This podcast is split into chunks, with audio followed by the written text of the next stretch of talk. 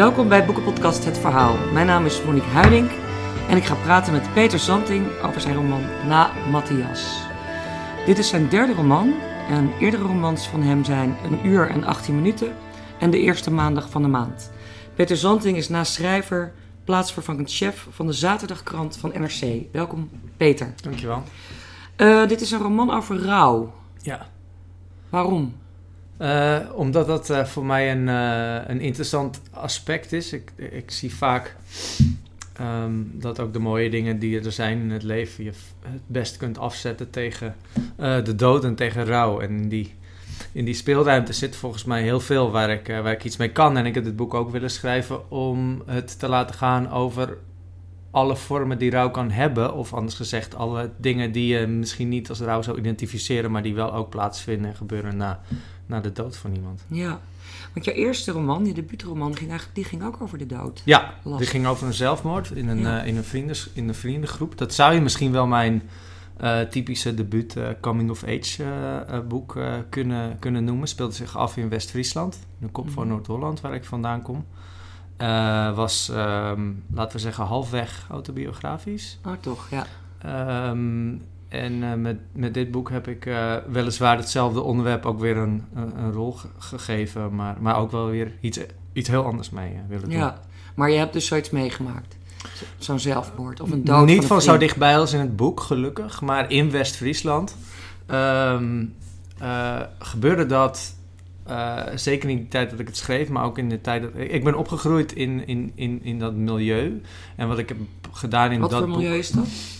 Uh, dat is een uh, deel van Nederland waar een zekere zwijgcultuur heerst. Werd ook daarna wel in, in, in kranten en in actualiteitenprogramma's werd het als zodanig uh, ge, ge, gekarakteriseerd. En um, niet dat ik daar zelf last van gehad heb, maar er zijn wel dingen die ik daaraan merk. Dat ik bijvoorbeeld als begin twintiger naar Utrecht verhuisde en merkte toen pas dat uh, als je zegt bij een vriend, we komen, zal ik vanavond langskomen en dan zegt ja, gezellig, dacht ik, er heeft nog nooit iemand vroeger tegen mij gezegd dat het gezellig was om langs te komen. Dat was, ja, je doet maar. Oh. Niet dat dat overigens een minder goede of minder diepe vriendschap, want ik heb niet, het gaat niet over een oppervlakkige vriendschap waarin ze die zelfmoord niet zien aankomen. Ze zien die zelfmoord niet aankomen, maar ik wil niet, het boek is ook weer niet zo, uh, dat debuut is dat het daardoor um, een minder soort, of een, het is gewoon een ander soort vriendschap die ik ja. vroeger meemaakte. Waarbij we dat soort dingen, of het slecht gaat op school, of je ouders gaan scheiden, of uit met je vriendinnetje, of iets anders waar je zorgen over maakt, werd niet besproken. Echt niet. Aha. Dus dat is die zwijgzaamheid, is eigenlijk de, de, de omgeving, of hè, dat, eigenlijk niet praten. Ja, en ook in dat landschap zie je dat bijna wel terugkomen. Bijna letterlijk kun je dat zien om je heen. Hè? Dat wij het landschap van die, van die, de, de, die verlaten schuren, waar die schuurfeesten zijn, en die, die, die, die weilanden. En, en ik voetbalde, dus ik kwam voor uitwedstrijden in de wijde omgeving. Uh, uh, van, uh, van Ursem tot Annapolona tot Opdam, al die kleine dorpjes die daar liggen. Ja. Oké. Maar hè, vanuit, die, vanuit die cultuur ben jij naar de Randstad gekomen, Ja, zeg maar. als begin twintig. Toen ben je ook gaan schrijven. Om hier te gaan studeren aanvankelijk. En in die jaren ben ik ook meer gaan schrijven. Een interesse die ik altijd wel al had. Uh, maar een beetje uh, uh, latent af en toe mee bezig was. Maar toen op een gegeven moment, in 2010, dat weet ik nog, dat ik echt de beslissing nam: ik wil meer gaan, ik wil gaan schrijven. Ja. Ja. Maar denk je dat ook, dat, die achtergrond hè, van zo'n, uit zo'n cultuur waar niet veel gesproken wordt, weet je, hè, je, je vertrouwt, je kent elkaar wel goed. En waar het percentage, het, hè, dus het aantal zelfmoorden onder, onder jonge mensen, en vooral jonge jongens, heel heel hoog uh, Is dat zo? uh, was. Ja, Oh. ja, ja, en al vroeg beginnen met drinken, met, met drugs in sommige. Dat heb ik overigens niet. Alright. um, ja, maar dat wel. Ja, maar van daaruit ga je dan schrijven. Dat vind ik dan heel interessant. Denk je dat het ook, want je hebt hem echt wel een eigen stijl, denk ik, van schrijven. Zo word je ook wel, uh, wordt ook wel getypeerd. Heel, heel, heel puntig, heel, heel duidelijk, Ja. mooie sfeerbeschrijvingen. dat je daar van, vanuit je eigen achtergrond, zeg maar, dat je daardoor daarin getraind bent. Of zou dat daaruit voort kunnen Nou, dat is een goede vraag. Dat denk ik wel. En, Ja. en, en, en zeker uh, bij het schrijven van dat eerste boek werkte dat natuurlijk omdat je in stijl ehm, uh, uh, iets kon doen wat in inhoud ook moest doorklinken. Ja. Namelijk het minimalistische, het weinig zeggen en toch tussen de regels door wel iets Ja, want je moet toch die pagina's vol tikken. Eh, ja, precies. Maar goed, dat, dat klopt hoor. Aan de andere kant, ik ben ook wel jaloers over, eh, op, op mensen die, eh, die, die me doorschrijven en al 500 pagina's hebben. Terwijl ik kan wel eens een eerste versie hebben van 300, 400 pagina's. Maar dan ga ik toch schrappen en dan ga ik toch alles wat ik niet nodig vind eruit halen. En dan kom ik altijd, al drie keer op rij nu, op ongeveer 200 pagina's uit. dus ik denk niet dat ik ooit heel goede, goede een magnum opus van vuistdikte ga schrijven. Nou, dan schrijf je er gewoon drie in één. ja, dat kan. Ja, ja. Um, enfin, dat ging nu even over je debuut, dus dat is een uur en 18 minuten. Uh, daarin, uh, dat speelt dus wat je net vertelde. Maar dit na Matthias is een heel ander verhaal. Ja. Uh, maar gaat ook over, over dood in zekere zin, maar eigenlijk dan bijzonder over rouw. Ja. ja. En dan schrijf je, dit citeer ik even uit het boek: Rouw is als een schaduw. Hij voegt zich naar de stand van de zon, staat ochtends anders dan s avonds.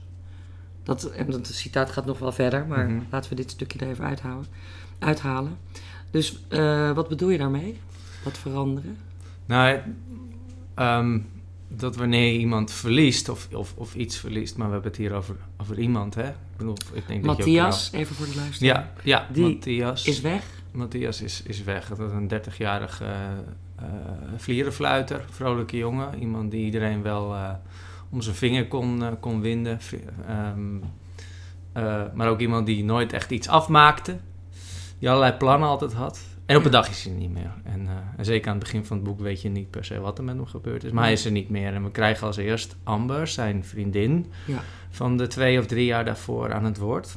Er komen in totaal in, in... Ja, want het is een mozaïekvertelling, zo, ja. Zo, zo noemen we dat. Ja. Dus dat wil zeggen dat je vanuit verschillende personages het zijn er een stuk of tien, geloof ik. Het zijn er negen. Uh, ja. Hoor je uh, die vertellen over hem. Die hebben allemaal een bepaald soort relatie tot hem. Soms trouwens, er is één die heeft helemaal geen relatie tot hem. Alleen die hoort dan op een heel klein dingetje. Lijkt hij daar wel weer ja, iets ja, bij Ja, ja wat, wat, ik heb, wat ik heb willen doen is, is op drie niveaus wilde ik uh, de dood van de gevolgen van de dood van iemand dat zou je nou kunnen noemen, maar nogmaals, ook iets breders dan dat, denk ik. Maar op drie niveaus wil ik dat doen. Dus direct ernaast. Dus zijn vriendin komt aan het woord, maar ook zijn moeder. Uh, en zijn beste vriend, Quentin. En daar zit, een, daar zit een, een cirkel omheen van mensen die hem wel kennen, maar niet direct zijn naasten zijn. Hè. Dus er zitten zijn, eh, zijn, zijn opa en oma zijn dat.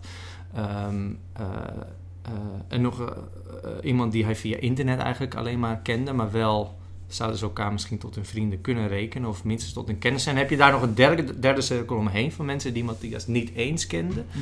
maar indirect wordt hun leven wel uh, gestuurd. Raken elkaar ergens. Ja, ja, ja. hun neemt ook een wending door de dood van Matthias. Ja, ja, ja precies. Um, waarom heb je dat op die manier zou willen doen? Uh, ik was op het uh, vliegveld van Dublin in het najaar van 2015 en ik was daar voor de krant geweest. Uh, en toen zat ik te wachten tot het vliegtuig was schoongemaakt en we dan aan boord mochten.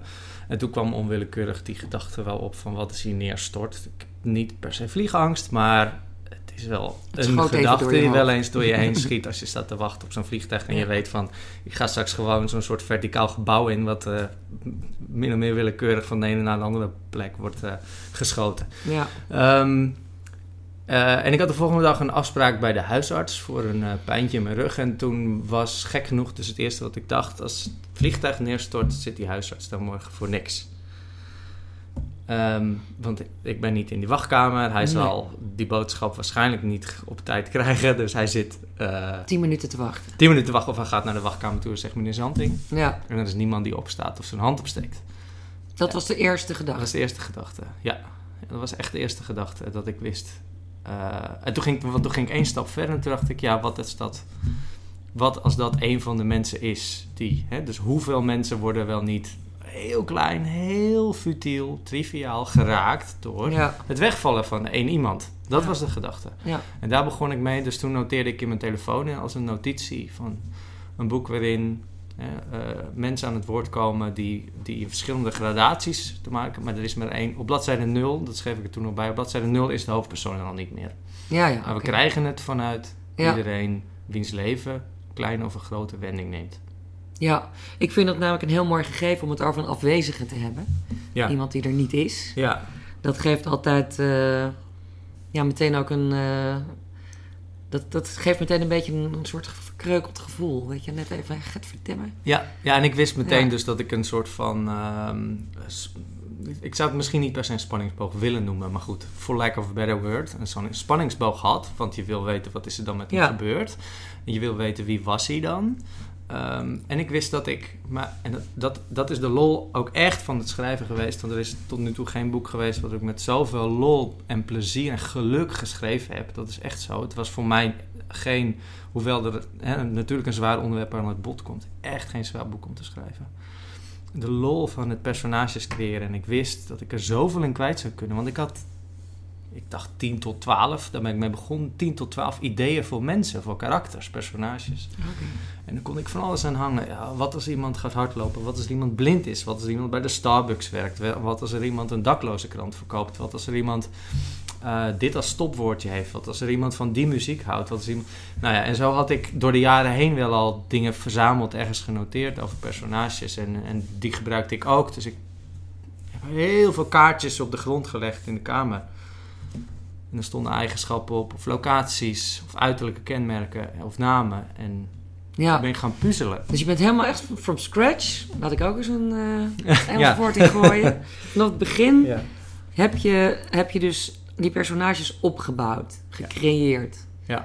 En, Ja. en toen ben je gaan kijken, eh, want ik wilde inderdaad vragen, hoe heb je dit? Want je moest best veel uit elkaar houden. hè? Ja. En toch, en het moest wel ook blijven kloppen. Ja, Hè, die verhoud, want ze hebben ook verhoudingen. Ja ik ben, er, eh, ik ben daar eh, eh, erg schematisch Ja, hoe heb je dat aangepakt? te werk gegaan. Dus ik ben begonnen met die indexkaartjes. Gewoon bij de HEMA gekocht. En dan had ik... Kaartenbakkaartjes. Ja, kaartenbakkaartjes. En dan schreef ik dan iets op. wat ik dan ook weer een soort van kleurcode gaf. Want het gaat over een locatie of over een karaktereigenschap of over een naam of over ehm, eh, iets anders. Iets wat ter Schreef je maar inspiratie. Eén woord op elkaar. Nee hoor, nee hoor, nee, nee, Oh, nee. Daar stond dan iets op als eh, iemand die blind is, maar nog wel ooit een marathon wil lopen. Oké, dat is een kaartje. Ja. Iemand die werkt bij, het- en dan, dat is een kaartje. Eh, maar ook een stukje uit een liedje waarvan ik wist, daar kan ik iets mee. Daar zit inspiratie in. Muziek is belangrijk voor mij en muziek Ook zou ook in het boek een belangrijke rol gaan spelen. Dus een klein stukje uit een tekst van Radiohead of Sufjan Stevens of Spinvis of iets anders wat ik mooi vind. Oké, dus dat legde ik er ook bij. Ehm, en toen, toen ben ik dus, toen had ik er, ik denk tien uiteindelijk. Dat ik dacht, ik ga er tien maken. Ehm, eh, en, en toen heb ik ze op een rij gezet. En toen ben ik dus ook de bruggetjes, laat maar zeggen, gaan verzinnen. Dus waar kruisen hun verhalen elkaar? Hoe goed kennen ze elkaar? Sommige mensen kennen elkaar overduidelijk, natuurlijk. Want de vriendin van Ja. Matthias en de moeder van Matthias hebben natuurlijk een verhouding met elkaar in zekere zin. Anderen die hoefden elkaar maar misschien ergens in een toevallige ontmoeting Ja, te raken. Of indirect via iemand anders. ja. En dat ben je helemaal gaan uitwerken. Eh, ik denk dat ik grofweg de helft wist voordat ik ging schrijven. Ja, En dan ben ik die de hoofdstukken dus één voor één gaan schrijven. En ik wist min of meer wat erin zou gaan gebeuren. Maar veel gebeurt ook dan tijdens het schrijven pas. Dat je denkt, ja, ik heb dit verzonnen, maar dat werkt niet. Of die eigenschap, maar dat past hier helemaal ja niet. tuurlijk. Dus haal je natuurlijk weer uit. Eh, en, eh, en ik had ook veel wel lol en plezier in tijdens het schrijven erachter te komen van, oh, wat als...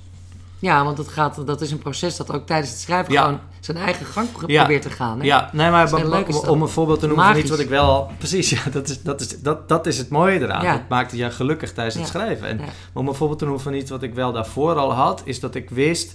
ehm, ik heb een personage dat eh, een kind heeft van een jaar of eh, vijf, zes, zeven, acht. En, ehm, en dat kind gaat op een dag op het strand een zandkasteel bouwen. Oké. En dan eh, zal dat vanzelf.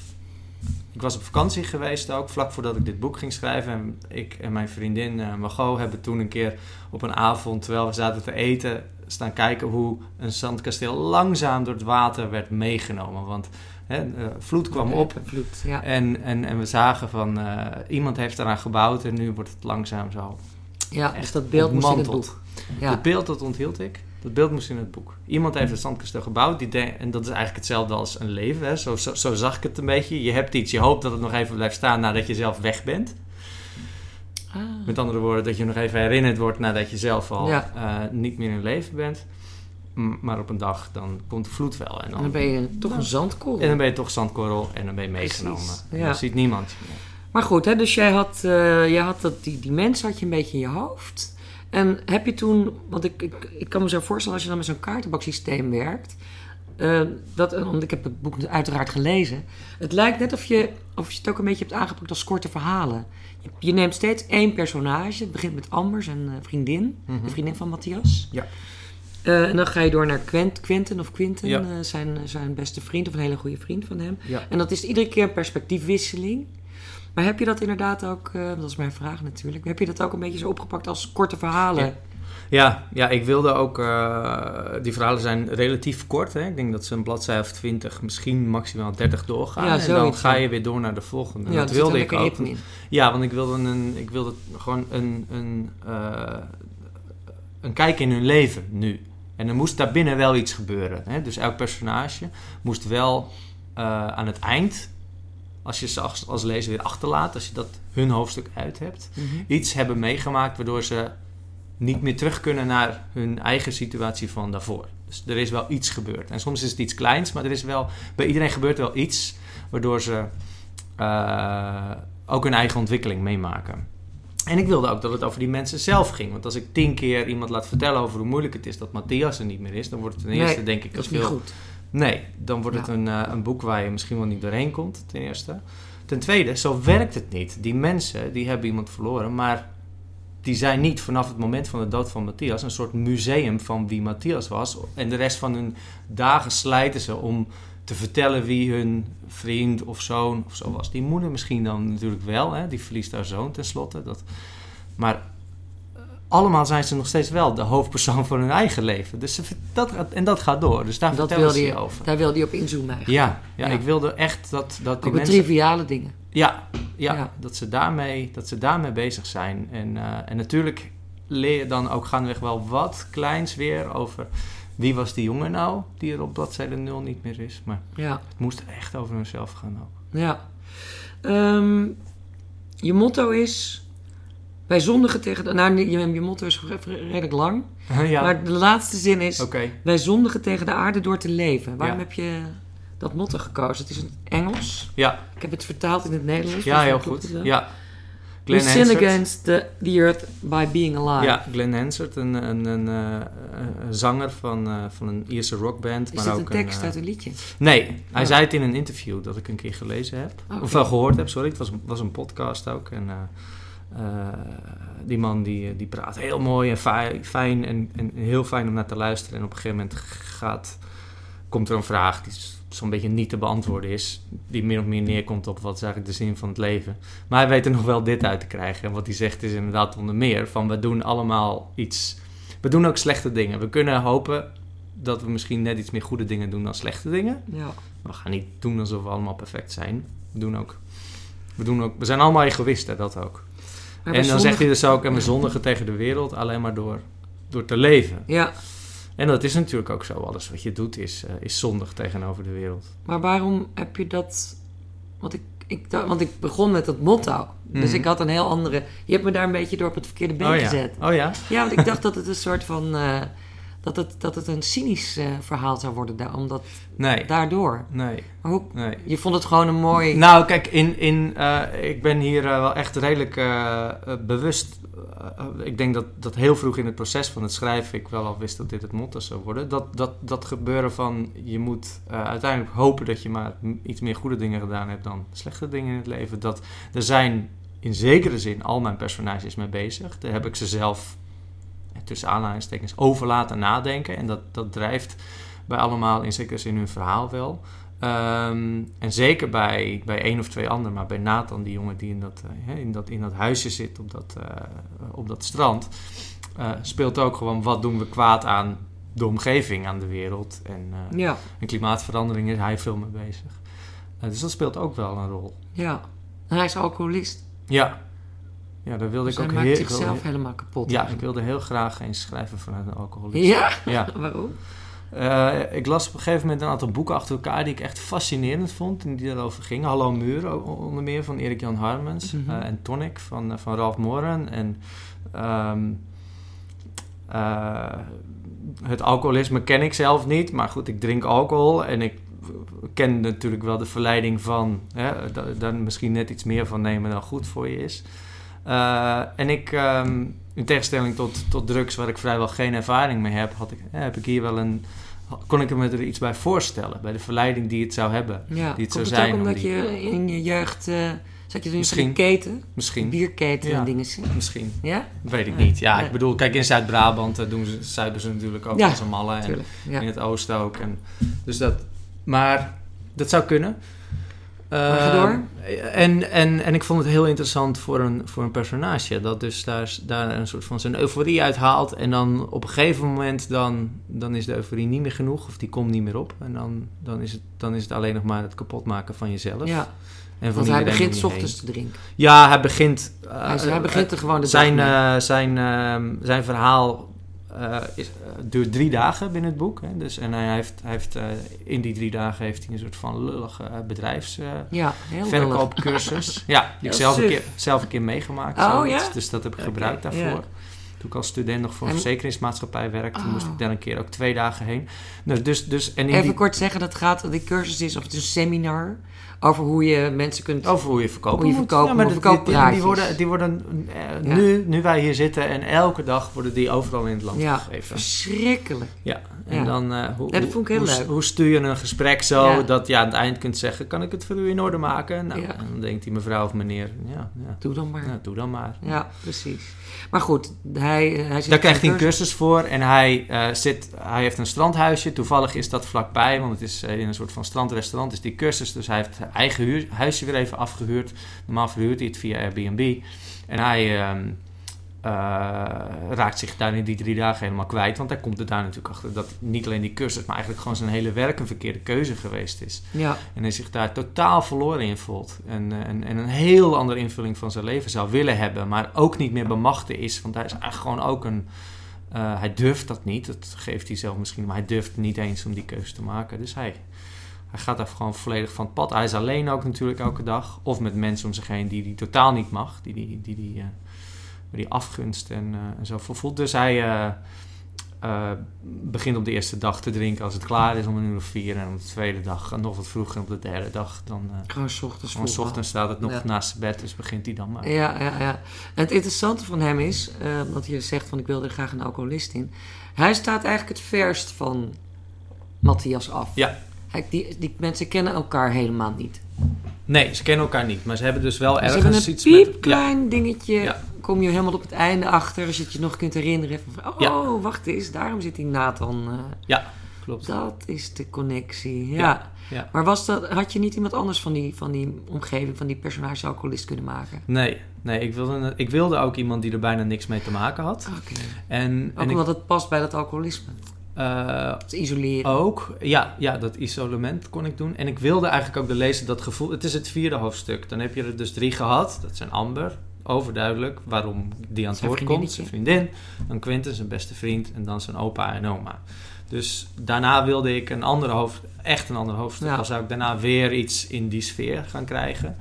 Eh, waarbij weer, hè, het vooral gaat over rouw. Dan- moeten we, we moeten nu iets anders. De lezer mag ook best even denken, waarom, waarom zit deze rouw. man er nou in? Wat gebeurt er met hem? En, Ja. Maar ik hoorde toch, en dat vind ik wel fijn, ik hoor toch ook van lezers dat ze, dat ze met hem nog veel hebben. Of dat ze hem, eh, ehm, dat dat een van de favoriete hoofdstukken was. Ja. Eh, eh, en dat, vind- dat vind ik dan heel prettig om te horen eigenlijk. Omdat het, eh, ja, Omdat eigenlijk eigenlijk bijna er buitenstaander. Ja. Nee. Maar, dat, maar goed, ik bedoel Bijna, dat... vreemdkörper. Ja, maar dat zou je kunnen zeggen van die huisarts die op mij zit te wachten... als ik een hypothetisch eh, geval eh, uit de lucht de val met het vliegveld. Dat Ja. is Nathan, ja. Ja, ja, ja. Nou, die kent jou nog.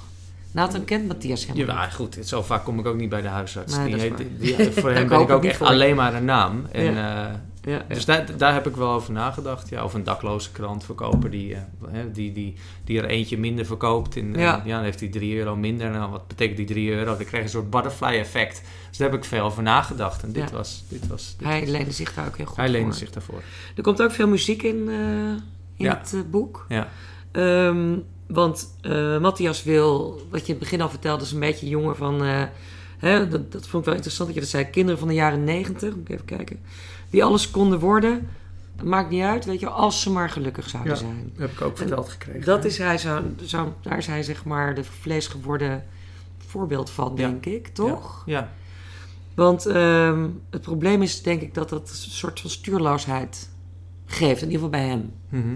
Dat merk ik ook bij een deel van mijn eh, generatie. Het is jouw generatie, ja. Dit is mijn generatie. Ik ben van 83. Ja, Dus ik ben opgegroeid in de jaren 90. Toch? Hè? Ik bedoel, en, eh, en mijn ouders zeiden dat ook. Als je maar gelukkig als je maar bent. gelukkig bent. Ja. Wat heel, eh, weet je, voor mij heel fijn was. Ik bedoel, wat, eh, er waren voor de rest geen dingen mee. Ik hoefde niet een bepaald, eh, aan een, in een bepaald patroon te passen. Ik hoefde niet een bedrijf van mijn vader over te nemen of zo. Ik hoefde niet, het was allemaal of ik met jongetjes of meisjes thuis kwam. Dat maakte ook niet uit. En dat, die, die totale vrijheid is volgens mij in mijn geval heel lekker geweest. Maar ik merk ook dat dat die generatie een zekere stuurloosheid kan geven. Ja. ja. Want is Matthias eigenlijk een, eh, wat dat betreft voor jou ook een, een, een, eh, een voorbeeld voor die generatie? Ja, ja, maar Amber ook. Hè. Ze zijn Ja. min of meer even oud. En ergens in het, in het eerste hoofdstuk zegt Amber van... eh, je kunt alles worden wat je maar wil. Als je maar gelukkig bent. Ja. En Amber zegt dan van... Hij hoorde dat eerste. Je kunt alles worden wat je maar wil. Leeft het daar ook naar? Oké, prima. Dan ga ik alles proberen. Zij hoorde het dreigende van het tweede. Als, je, maar, als je maar gelukkig bent. ja, want dat is ook natuurlijk een, nogal een opgave. Ja. Het Ja. klinkt leuk, Ja, maar word maar eens gelukkig. precies. en dan zo gelukkig dat er ook nog eens een keer een Instagram-foto van te maken is. En dat je die kunt delen en die weer mo- mooie likes krijgt. En dat je Ja, in, het, in, het, in dat hele sociale leven van nu. En dat, dat altijd deelt. maar dat, dat, dat. Ja, nou ja, goed, eigenlijk gewoon een kopie Laat van een kopie van een kopie van je geluk. ja, ja, dat je daar dan weer een soort van internetstatus mee kunt. Dat is, ja. Ja, en dan zegt zij, denk ik, Amber, dat zij heeft ontdekt, of misschien zegt iemand anders van je personages dat, geluk zit in kleine dingen. En het is Ja, ook ja heel dat zegt vluchtig, Amber. dat, dat concludeer ik, maar Ja, dat, dat het een soort van vluchtigheid is en dat dat ook voor haar moeilijk is. ja. Ja. Ik kan het niet grijpen, ik kan het niet laten Klopt, vasthouden. nee, dat verzucht zij dan inderdaad. Ja. Het zit in die kleine dingen die, die, die, die hooguit niet eens, een, niet eens een seconde duren. Ja, Op, een, op een festival, hè, volgens mij staat er zoiets in van op een festival staan en het even van, oh waar is Matthias? En, oh, de, en dan kijkt hij naar je om. Ah, en dat moment dat je weer weet van, oh daar ben jij, ja, dat is het. ja, precies. Heel dat even. soort kleine dingetjes. Ja, Ja, die- maar zij kan dat niet vasthouden. zij. En voor Ja. haar is het altijd, zij overanalyseert dat. Zij begint te snel al, oh ik voel me nu gelukkig, wat fijn, hoe, wat zal ik hier, ah, dan is het al weg. Nou, dat is haar probleem. Dat is haar probleem. Zij, haar opdracht in het leven is continu gelukkig zijn. Ja, Nou, ja, een- dat is haar probleem. En dat is ook wat, wat uiteindelijk eh, eh, eh, Matthias en Amber een beetje uit elkaar begon te drijven. Het is geen perfect stel. Ehm, eh, eh, en zij, ja, zij is daar te, te, te, te kriegelig voor. Ze probeert het niet. En hij is, wat, je moet gewoon alles proberen. Ja. Ja. Stel, hebben ze voor zo'n surfer hippie. Weet je wel, die lekker gaat surfen. Dat doet hij helemaal niet hoor. in. Nee, surfen doet hij niet, stel ik maar- me ja, voor. Weet je zou- oh, ja. Dan gaan we met z'n allen weer naar Brazilië. En Ja, dan gaan we daar weer feesten. En dan gaan we daar ook een klein beetje een winkeltje beginnen. Dan ja, niet uit. ja Dan precies. slippertjes verkopen. Dat geeft niet. En nu gaan we weer eens even naar Zuid-Amerika. En dan gaan we weer dit en dat. Ja, ja. Zo'n type kwam die, eh, zo kwam die op mij over. Nee, dat is ook zo. Maar merk jij dat u inderdaad in jouw generatie die twee types, dus die Amber en die Matthias, dus die jongen die, die is eigenlijk gewoon van nou, ik kan worden wat ik wil. Mhm, Dus ik ga ook worden wat er in mij opkomt. mhm. Ik maak niks af. Ik voer het eigenlijk niet echt helemaal tot het einde uit. Want dan ga ik halverwege weer wat anders doen. Mhm. En een beetje van die tobberige kinderen van de Ja. jaren negentig. Van Ja. oh shit, ik moet gelukkig zijn, ik moet Ja. gelukkig zijn. Hoe ja, nee, dat, zit er echt niet voor niets in. Dat heb ik, Zijn dat eh, twee kanten ja, van de medaille? Ja, dat zijn twee kanten. En ik denk zelfs bij dat, dat veel mensen beide kanten van die medaille in zichzelf Ja, hebben. zou kunnen. Ook zeker in mijn generatie. Ik, eh, ik zelf heb dat ook. Ik ben geen Matthias. Een vriend zei tegen me toen hij het gelezen had... Zou je iemand... Misschien zou jij wel stiekem meer zou willen zijn zoals Matthias. Hmm. En? Ja, dat denk ik ook. Ja, Dat het toch wel lekker is, zo ongebonden. ja, ja. en het Mm, gewoon durven doen. Wat. Ja. Ja. Want hij wil, eventjes voor, voor, de, voor de luisteraar, in het boek wil hij met zijn vriend Quinten een koffiewinkeltje beginnen. Waar ze als een soort van leuke idee, of is een origineel idee, een playlist maken die ook op de achterkant van je bonnetje staat. Zodat je weet wat er gespeeld is. Ja, een plek om naartoe te gaan als je liefhebber bent van en koffie en goede muziek. Dus Ja. Je gaat daar zitten, je komt binnen en eh, als je weggaat, dan heb je en je bonnetje en je hebt alle muziek die je, alle liedjes die je gehoord hebt terwijl je daar was, staan Ja. op de achterkant. Nou staat hier achter in het boek, want dat heb ik natuurlijk gecheckt, staat een playlist. Ja. Staat alsof het, alsof het, ik laat het nu aan, aan, eh, aan Peter, maar hij weet Ja. zelf donders goed wat erin staat. Ja, En er staat onderaan een URL, playlistkoffie.nl. Dus ik ben dat dan even gaan opzoeken, maar dat bestaat niet. jawel. Nou, Ja, ja, vandaag niet meer. Jawel, die hoort wel te werken. Nee, ik kan wel wat meer vertellen daarover. Ja, Ehm, dat Ja, is dus is- echt dit. Ja, nou ja, kijk, dus zijn. eh, wat ik gedaan heb. ehm, zij willen met z'n tweeën die, die zaak beginnen. Dat plan is redelijk ver gevorderd. Het lijkt ook alsof Matthias dat iets meer doorzet dan met andere soort van eh, kleine eh, Ja. plannetjes, impulsieve dingetjes die hij had. Hij is heel enthousiast over. Ehm, dus ze willen dat met z'n tweeën gaan doen. Dat lijkt ervan te komen. Nou, dan eh, eh, is Matthias er plotseling niet meer. Dus, hij, eh, dus Quintin blijft over en is eigenlijk degene die die dat enthousiasme juist niet had. Of tenminste wel voor dit plan, maar niet het enthousiasme überhaupt om, om het zelf te kunnen trekken, laat ik het Ja. zo zeggen. Eh, goed, en Quinten heeft zijn eigen verhaallijn. En ik wil eigenlijk dat je aan het eind, doordat je na de laatste pagina die playlist nog gepresenteerd krijgt, een beetje begint te twijfelen van, heeft, betekent dit dan dat Quinten het heeft doorgezet, daadwerkelijk Ja. is gaan doen? Dat zou mooi zijn. Of is dit een soort van, eh, nou ja, goed, gewoon een verwijzing naar Maar dat het plan er ooit dus was. wel. Toen heb ik er een URL onder gezet, inderdaad, playlistcoffee.nl. En als je daar naartoe gaat, dan daar heb ik een site eh, gemaakt die veel meer over de verwijzingen in het boek nog eh, eh, blootlegt. En nog wat verhalen over de totstandkoming en waar je de playlist die het boek zelf heeft. eh, dus alle liedjes in het boek voorkomen, eh, kunt luisteren. Oké, dan heb ik waarschijnlijk playlist koffie. Dat zou kunnen. Dan maar de luisteraar die, maakt, die kan die fout nu niet meer maken. Dus. Nee, je moet dus intikken playlists, Ja, want Koffie. hun idee is dat het playlists gaat heten. de- meervoud van list.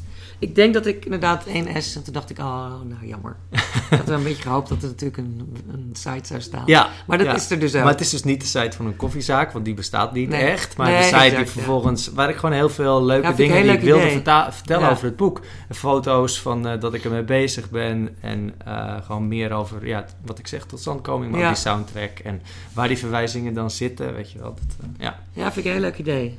Leuk dat je dan zo... Dan kreeg je nog een extra. ja, dat is ook een beetje de lol. Kijk, uiteindelijk het, best- het, het idee, en zeker dat, dat je dan zo'n site gaat maken, ontstaat natuurlijk op een dag dat je je voorneemt om te gaan schrijven. En dat, dat als een soort uitstelgedrag denk je, weet je wat, ik ga eerst even die website site maken die ik ook nog wilde. Dan begin ik daarna wel. Ja, dat een beetje ontwerpen en daar een beetje mee zitten te kloten en dan, eh, ja. Maar goed, die muziek is ook heel belangrijk voor hem. En er zit ontzettend veel muziek ook in het boek. Eh, muziek is op het, zelfs eh, uiteindelijk een soort van cruciaal Ja, drama ontstaat er ook door. ja, Heb jij zelf, eh, ben jij zelf een grote muziekliefhebber? ja, ja. Ik denk wel eens dat ik eigenlijk vooral boeken schrijf, zodat het kan dienen als een soort drager om via die boeken mensen te vertellen welke muziek leuk is. Oh ja? Oké. Nou, dat is misschien iets overdreven, maar dat is een hele muziek grote is heel- ja, een hele Je grote kan beter omweg. DJ worden. Ja, dat klopt. Maar goed, dat kan ik dan weer niet. Oh, ja. Nou, dat is jammer. Eh schrijven kan ik wel een beetje, dus dan goed. doe ik dat. En, eh, en, en ik, eh, ik, ehm, eh, ben in een, ja, ik ben een enorme muziekliefhebber. Ik probeer daar ook tijd aan te, in te hangen, ook bijna. Snap je wat ik bedoel? Dus dat je hè, dat gewoon periodes in je leven of dingen die je hebt meegemaakt, hangen vaak ook voor mij aan liedjes.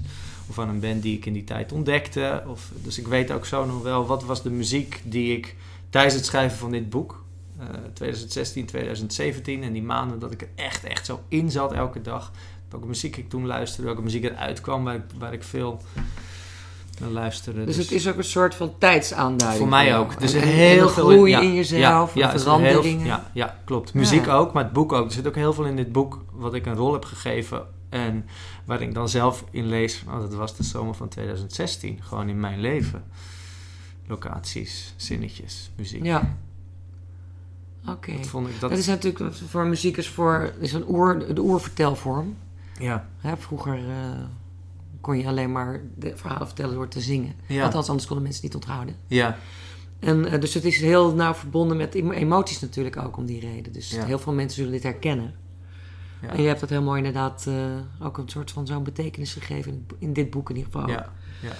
Eh, wat er ook in voorkomt, vond ik ook heel geestig, omdat ik er nooit van gehoord en ik zag het in je bi- eigen biografie, is het voetbalmanager. Ja, Wat is dat? het is het, ehm, online voetbalspel. het schaakspel onder de voetbalspellen eigenlijk.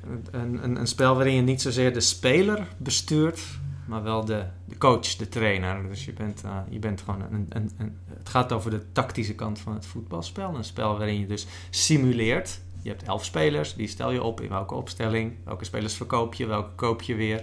Ja, ja. En dan eh, simuleer je zo jezelf de toekomst in. En dat is een Want dat- dat, dat wel gebeurt ook. speel. Ja, een en- van die personages die speelt, dat dan, Ja. die, die, die zit dan, of dat is Matthias zelf geloof ik, die zit al in 2045. Ja, ja, je, Hoe, hoe, hoe, hoe werkt dat? ja, ik zit zelf al Je in verzint gewoon 2062 of zo. Ja, op een gegeven moment, dat spel, dat, dat is zo, zo, daar zit zo'n enorme database achter, dat op een gegeven moment dan, dan eh, ja, is die beste speler een jaar of 40. Dan stopt hij wel eens een keer met voetballen natuurlijk. En Ja. dan wordt het daaronder weer aangevuld met, met fantasiespelers. Die Oh, natuurlijk het is wel fantasie. gebeurt. Het, is, het, zijn, zijn Het geen begint in de echte wereld. Ja, het je begint in de echte wereld. Als je nu zou beginnen en je zegt ik word coach van Barcelona met het spel, dan heb je dus Messi en dan heb je Oh, straks Frenkie de Jong Frenkie. eh, en nog een aantal. oké. En, en om, nou, omdat je de toekomst in, in simuleert, moet je op een gegeven moment natuurlijk eh, eh, ja, door het spel gegenereerde spelers gaan Ja. opstellen. Wat ik alleen maar leuker vind eigenlijk. Wat een waanzin. Een enorme waanzin. is een en er zitten van, eh, hele, hele, hele toegewijde spelers achter wereldwijd. En, eh, en veel minder dan FIFA spelen, hè, want je gewoon op de Playstation gewoon lekker die poppetjes Ja. besturen. Maar er zijn echt miljoenen mensen wereldwijd die dit spelen. En ik ook. En ik heb ook op die fora wel rondgestruind. En ik wilde ook heel graag een personage dat daar Ja. net zo... Ik dacht, ik, ik twijfelde er wel over, want kan ik aan jou bijvoorbeeld als lezer, iemand die dat spel niet kent, Nee. uitleggen wat er dan aantrekkelijk aan is? En nou goed, we zien het wel of lezers dit pikken of niet. Ja, ik vond het heel grappig, want ik, had- ik had er nog nooit van gehoord. En ik vond het gewoon zo'n bizar idee dat je de toekomst ingaat eh voetballen. Ja, Weet je wel, en ik dacht ook meteen van hoe hebben ze dan bijvoorbeeld nu ook spelertjes van 11 of 12 jaar er al in? Weet je wel, dat je die gaat laten opgroeien. ja. Echte persoontjes. Het, is, het gebeurt wel dat dat spel voorspelt wie er heel goed worden. Dus Ja, dan ja. zit er iemand in het spel van 16 of zo. En dan, die wordt dan in het spel, hè, als je Die 4, wordt 5 dan jaar de 25. toekomst in Ja. eh, simuleert, is het ineens iemand van 21 die heel goed is. Ja. En vijf jaar later in de echte wereld is hij dan heel goed ook. En dan zegt iedereen ja. Is dat wel eens gebeurd? Ja, zeker. Met meerdere spelers. Dus het is ook Ja. een soort, zit een soort voors- Er zitten wereldwijd, wereldwijd scouts die eh, al, die, al, die, al die spelers in de gaten houden voor dat Oh, spel. Dus ze hebben wel eens dat ze. Ze hebben best wel een toekomstvoorspellende Ja, kwaliteit. zoals de grote groep altijd meer weet dan de individuele Ook? scout. Ja, en, eh, en wereldwijd. Dus, nou goed, dus dat spel, dat vond ik... eh, en uiteindelijk toen, ehm, toen kwam ik op een forum waar andere spelers van dat spel zaten. Eh, en er was ook iemand die, eh, die zei... eh, echt als een soort grafreden van mijn, mijn, mijn laptop is gestolen vandaag. En, en ik was al zover de toekomst in. Nu ben ik ze allemaal kwijt. Want ja, dat spel... Dat is echt laptop. gebeurd. Ja, Want dat zit ook dat in zette boek. iemand op internet. Ja. Dat heb ik jaren terug. Dat onthield ik. Toen heb ik dat ook gebruikt voor het Ja. boek. Want een van de personages is dus iemand die... Is een, is een jongen die... Ja, speelt. ja, hij toert met een band. Dus hij, hij is Rodi. Eh, eh, ook een beetje een eenzaam iemand eigenlijk. Ehm, wil zichzelf ook een beetje onzichtbaar maken. Hij vindt dat dat het werk is van een Rodi. Isam heet hij. Ja. Het is een Marokkaanse jongen, denk ik. Ja, het is Ja. een Marokkaanse jongen. En ehm, hij speelt dat spel altijd. Want hij is ja, de hele tijd alleen op hotelkamers natuurlijk. Dan weer in die stad, dan weer in die stad. Ja, Die hij is eigenlijk onzichtbaar. Is redelijk, redelijk succesvol. Nee, hij is onzichtbaar. Maar dat, Ja. vindt, dat moet hij ook. Hè? Moet je ook zijn als Rodi. Je degene Geen last die van alles hem test. Moet niet, geen last Ja. van hebben. Zij, niemand heeft last van hem. Zodra hij gewoon, zolang hij gewoon lekker achter zijn laptop zit. Zij speelt ondertussen dat spel altijd. Maar omdat hij al- altijd onderweg is met die laptop, ja, Ja. Wordt dat niet ergens anders opgeslagen hoe, hoe zijn voortgang is. En op een gegeven moment wordt eh, zijn hotelkamer leeggehaald, die... zijn laptop kwijt. En dan is hij ook al die, eh, al die eh, tientallen uren in dat spel kwijt. Er Ja. zijn ook die spelers waar hij zich een beetje aan gehecht hebben hoe digitaal en niet bestaand ze dan ook zijn. Het is een soort van vrienden. Ja, Ja. Had hij nou wel of geen contact met Matthias via dat spel? Want dat dacht ik namelijk. Ja. Wel. Ja, dat is uiteindelijk zijn. eh, zijn ik heb magie. hem erin gestopt omdat, ik, eh, omdat hij inderdaad eh, via zo'n forum iemand anders tegenkomt. Meerdere mensen praten hierover met dat spel. Mensen via internet die die voor de rest niet kent. En een van die Ja. mensen is Matthias. Zij ontwikkelen een vriendschap. Ze gaan met Ja, elkaar precies. mailen. Ze gaan Ja. het over het spel hebben. Ze gaan het over andere dingen hebben dan alleen maar het spel. Dus daardoor, Ja. daardoor vinden ze een connectie. Ja. En later komen ze nog een keer bij elkaar. Denk ik. Maar dat vertellen we niet. Nee, dat vertellen we niet. Nee. Ehm, er zit ook nog, eh, dat vond ik ook interessant. Je hebt er ook nog een vluchteling, eh, eh, moeder en zoon ingestopt. Ehm, was dat, of wilde je gewoon per se dat onderwerp behandelen? Of wilde je dat ook, hè, want dat is, nog, dat is ook nog een belangrijk personage. Mhm. Waarom, heb je dat ingest- waarom heb je dat op zo'n manier erin gestopt?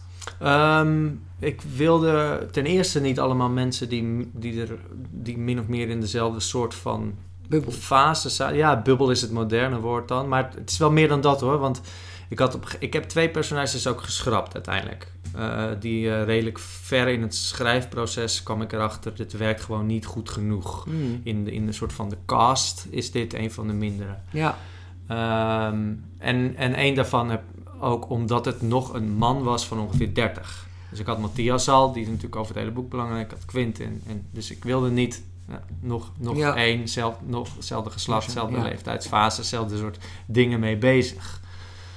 Ehm, dus het, moest een compleet palet aan mensen ook worden. ja, Eh, en ik ben zelf de afgelopen twee, tweeënhalf jaar ehm, met vluchtelingen veel in gesprek gegaan. Op een gegeven moment als, als vrijwilligers. Maar veel, ik bedoel één, keer in de week met, eh, met wat vluchtelingen in gesprek gaan. Als, en dat kon ik ook als inspiratie gebruiken, merkte ik. Hè. Dus de, de, de plek waarbij eh, ehm, eh, die mensen die, die, die, die, die, die een heel klein beetje al Nederlands spreken en denken van of ze nou, of nog in onzekerheid of ze hier een toekomst kunnen opbouwen. Of ja. dat weten ze wel al, maar nog, niet hoe. Eh, en dat gaat met vallen en opstaan. Eh, daar, daar, daar, daar, kon ik ook iets mee. En Ja. het was ook weer een heel ander perspectief op het leven. Tuurlijk. Ja. Ja, dat is ook goed en ik wilde dus mensen zonder kinderen. Ik wilde met kinderen. Ik wilde mensen in de 60, in de 80, in de 30. Ik wilde mensen die wit waren, mensen die niet wit waren. En ja, Mensen die in de stad wonen. het is heel gevarieerd. Dat moest, palet. dat moest echt. Ja. Ja. anders dan werd het echt een te eenzijdige roman. Heb je ook in je achterhoofd gehad dat het verfilmd eh, moet kunnen worden? Want ik, ik vind het eigenlijk wel geschikt voor. Ja, nou, dat, dat zou mooi zijn, Zou je maar... wel leuk vinden. Ja, ja, ja. Ik heb niet... eh, maar zo zit ik echt niet te schrijven, hè. Van, nee. eh, oh, laat ik dit wel even zo doen of dit juist achterwege laten, want het moet wel ook even verfilmd kunnen worden. Nee, nee, nee. Helemaal niet. Dat is niet iets Je waar je... hebt er helemaal niet aan gedacht. dat is echt zoveel verder. Nee, daar heb ik niet aan gedacht. maar het zou wel kunnen. Ja, Kijk, de film Magnolia natuurlijk. Ja. Die film. ja. Ja, ja dat ik is heb... ook eh, zo'n mozaïektelling. ja, ja. En dat zou... Ja, op een heel andere manier natuurlijk. Ook, Nee, eh, Magnolia heb ik veel moeten denken ook. Ja, aan, deed mij het eh, ook aan denken. Tijdens het, eh, tijdens het schrijven. Crash is een, is een film die, ik volgens mij de Oscar won voor beste film 2004 of 2005, als ik het goed heb. En wat ook dit, pers, dit zo toepast. Het is een eh, superleuke vertel. Het is een heel mooie, effectieve ook. Ja, ja, vertelvorm. ja en, en ik zou bijna willen dat ik nog een boek kon schrijven waarbij ik het weer kan doen. Maar Ja, ik ga niet? Nou ja, hetzelfde trucje nog een keer, dat weet ik niet. Of ik Ja, het zo sterk vind. Maar het, het, het lol van het schrijven hierin, om het op deze manier te doen, was, eh, was echt eh, voor mij gewoon persoonlijk een gouden greep. Om te, Ja, want ik heb het, eh het zei ik al eerder, maar ja, vond het zo leuk om te doen. plezier aan gehad. Ja. ja. Ja. Leuk. Ja. Laatste vraag. Ben je alweer bezig met de volgende roman?